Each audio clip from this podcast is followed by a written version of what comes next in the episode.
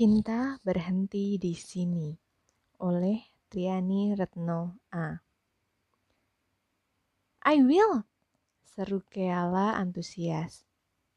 Pasti, kamu orang paling cocok untuk tugas ini. Dulu kamu kuliah di sana kan? Keala tersenyum cerah pada Renata, sahabat sekaligus redaktur pelaksana majalah Travelicious. Iya, dan aku selalu menunggu kesempatan untuk kembali ke sana. Ada cinta tertinggal di sana. Kiala tertawa tanpa menyahut. Ada yang berdesir lembut di dada Kiala. Ada cinta tertinggal di sana, tentu saja. Siap-siap berangkat ya, kata Renata. Sya, pesankan tiket pesawat ke Bandung untuk satu orang, maskapai yang biasa, atas nama Kiala. Penerbangan besok pagi. Sasha Sekretaris Renata mengangguk tanpa bertanya. Apalagi yang perlu ditanyakan? Instruksi Renata sudah begitu jelas dan lengkap. Renata kembali pada Keala. Secara resmi, acara baru akan dibuka besok malam, tapi biasanya sejak siang sudah ramai. Aku mau kamu sudah di sana sejak siang. Kamu tinggal di hotel dekat lokasi ya. Reservasi aja dari sekarang. Oke, Kiala mengangguk mengerti. Ren, ya? Baliknya ke sini nanti aku pakai kereta saja ya. 12 jam Kea, dengan pesawat hanya... Aku tahu, sela Kiala. Jauh lebih cepat, ongkosnya pun tak jauh beda. Tapi boleh Ren, aku mau ke Jogja sebentar, satu hari aja. Setelah itu aku langsung balik ke sini. Renata berpikir sejenak. Oke, atau mau sekalian menugaskanku meliput di Jogja atau Solo, Semarang? Tanya Keala. Renata tertawa. Belum, nanti kalau ada akan segera kukabari. Kedua sudut bibir Keala membentuk garis melengkung panjang. Thank you, kabari aja. Yang penting aku boleh balik ke sini dengan kereta. Bandung, Lima setengah tahun Kiala tinggal di kota yang tiap akhir pekan selalu dipenuhi mobil plat Jakarta itu. Empat tahun ketika kuliah di Fakultas Ilmu Komunikasi dan satu setengah tahun setelah lulus ketika bekerja di harian Bandung News. Banyak yang membuatnya betah di Bandung. Salah satunya Keanu.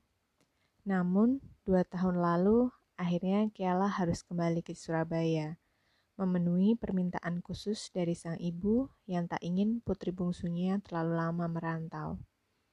Meskipun pekerjaan Keala sebagai wartawan mengharuskannya sering berpergian, bagi sang ibu yang penting Keala tinggal di Surabaya. Tak lama setelah Keala kembali ke Surabaya, Keanu pun pindah ke Yogyakarta. Ia mendapat pekerjaan di kota gudeg itu. Bandung pun tinggal menjadi kota kenangan. Keala, dan Keanu. Bukan nama yang mirip itu yang membuat mereka dekat. Mungkin ya pada awalnya. Pada masa mereka menjadi mahasiswa baru. Kemiripan itu sering membuat mereka jadi bahan olok-olok. Barangkali mereka adalah saudara kembar yang terpisah ketika bayi karena perbuatan seorang suster tak bertanggung jawab yang tergiur setumpuk uang haram. Kedekatan itu diam-diam membuat Keala berharap lebih. Berharap hubungannya dengan Keanu dapat berubah menjadi lebih serius. Hubungan hati. Entah dengan Keanu. Kini Keala kembali ke Bandung. Senyum Keala mengembang ketika kakinya menjejak Bandara Hussein Sastra Negara. Udara kota Bandung menyerbu paru-parunya. Di dalam taksi yang membawanya dari bandara, Keala melayangkan pandangan ke kiri kanannya. Bandung makin sesak, makin macet. Ingatan Keala pun melayang, bahkan lebih jauh daripada jangkauan pandangannya. Kembali ke masa ketika masih kuliah di sini, menyusuri jalan-jalan kota bersama Keanu, menghabiskan siang di taman kota. Keala mengambil ponselnya, mencoba menghubungi Keanu. Hanya ingin mengabarkan ia sudah tiba di kota ini. Tersambung, tapi tak juga diangkat. Kela mengerutkan kening. Tak biasanya Keanu begini. Sedang bertemu klien, sedang meeting, akhir pekan begini. Kela malas menduga-duga. Taksi berhenti di depan sebuah hotel. Tadi malam, Kela sudah memesan kamar di sana. Setelah menyimpan tas pakaian, Kela langsung keluar lagi. Braga, Pak. Tapi jalan di sana ditutup, Neng. Ada festival. Nggak apa-apa, Pak. Saya memang mau ke festival itu. Braga Festival adalah acara tahunan untuk memeriahkan ulang tahun kota Bandung. Beragam kesenian, permainan, dan kuliner tradisional Sunda dapat dinikmati di sini. Kesenian dan kuliner modern pun tetap mendapat tempat. Band berbagai aliran, mural, pemutaran film, pameran lukisan, festival ini seolah mengukuhkan citra Bandung sebagai kota kreatif. Untuk acara yang digelar selama tiga hari inilah Renata menugaskan Keala ke Bandung. Braga Festival memasuki hari terakhir. Pagi sebelum meliput, Keala menumpang angkot ke stasiun kereta api. Angkot hijau dengan garis kuning cerah itu kini ternyata tak lagi sampai ke depan pintu selatan stasiun. Akibatnya, Keala harus berjalan kaki sekitar 100 meter untuk tiba di stasiun. Keala berusaha mengalihkan kesalnya dengan memperhatikan gambar-gambar mural di sepanjang jalan menuju stasiun. Sabar, Mungkin ada cerita, ada berita tercecer di sini. Pikir Kela menghibur diri ketika teringat seharusnya saat ini ia sudah berada di Braga. Meski tak sampai berkeringat, Kela merasa sedikit gerah ketika akhirnya tiba di pintu selatan yang berhadapan dengan terminal angkot Senhal. Banyak orang berkerumun di, di depan loket. Keala memilih duduk dulu sambil memperhatikan kerumunan itu. Ia malas berdesak-desakan di sana. Hah, kenapa tidak membiasakan diri untuk mantre? Bukankah sejak TK sudah di diajarkan berbaris sebelum masuk kelas? Ini sudah dewasa-dewasa begitu, masih saja tak mau mengantre. Keala mengambil pencelnya, menulis pesan singkat untuk Keanu. Nu, Aku lagi mau pesan tiket ke Jogja nih. Liputan di Bandung selesai hari ini. Mudah-mudahan bisa langsung ke Jogja. Kita ketemuan ya.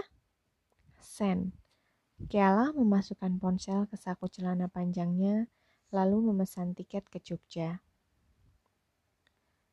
Kereta ke Jogja untuk malam ini sudah habis, Mbak.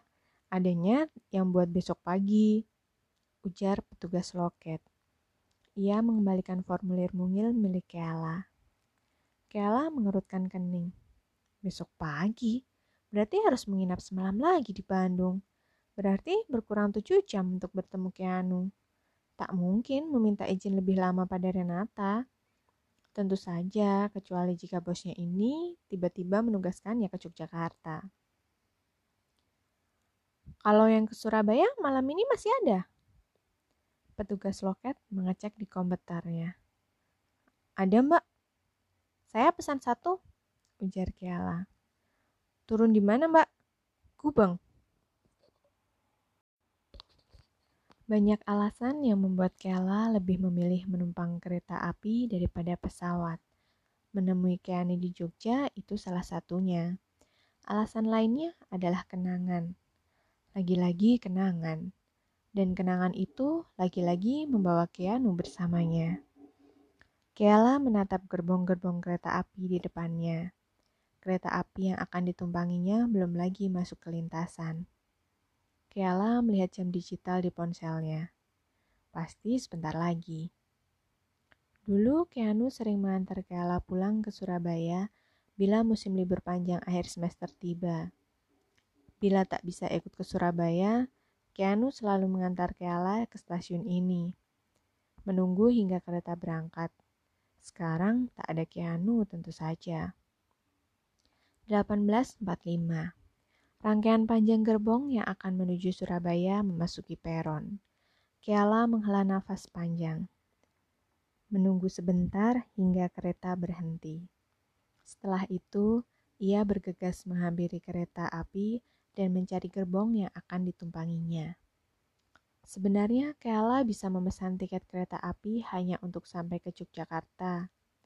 Namun, entah kenapa lidahnya begitu saja mengucapkan Surabaya. Keala baru menyadarinya ketika akan check out dari hotel satu jam yang lalu. Sudah terlambat untuk mengubah tiket. Baiklah, Surabaya saja. Siapa tahu nanti tak jadi ke Yogyakarta. Sepanjang hari tadi, Keala beberapa kali mengirim SMS pada Keanu, sekedar untuk memastikan.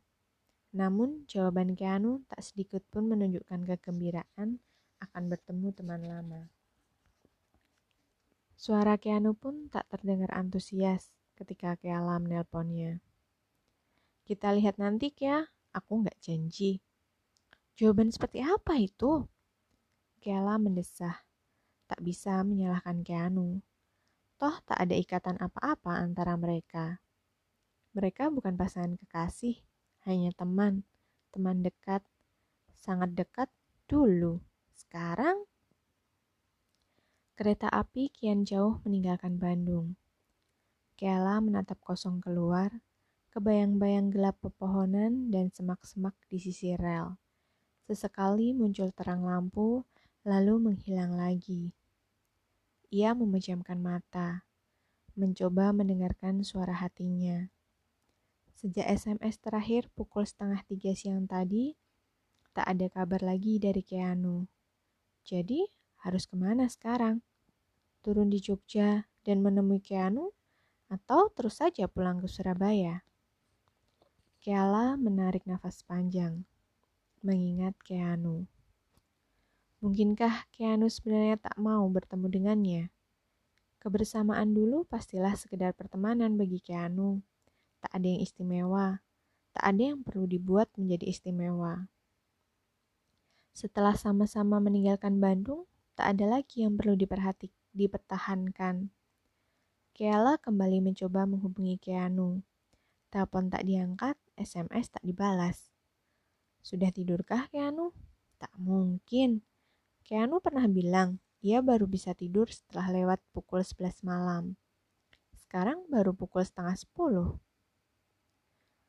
Mungkin Keanu memang tak mau bertemu denganku, pikir Keala. Perasaan sedih menyusup ke hatinya. Perasaan sedih yang disusul oleh perasaan kehilangan.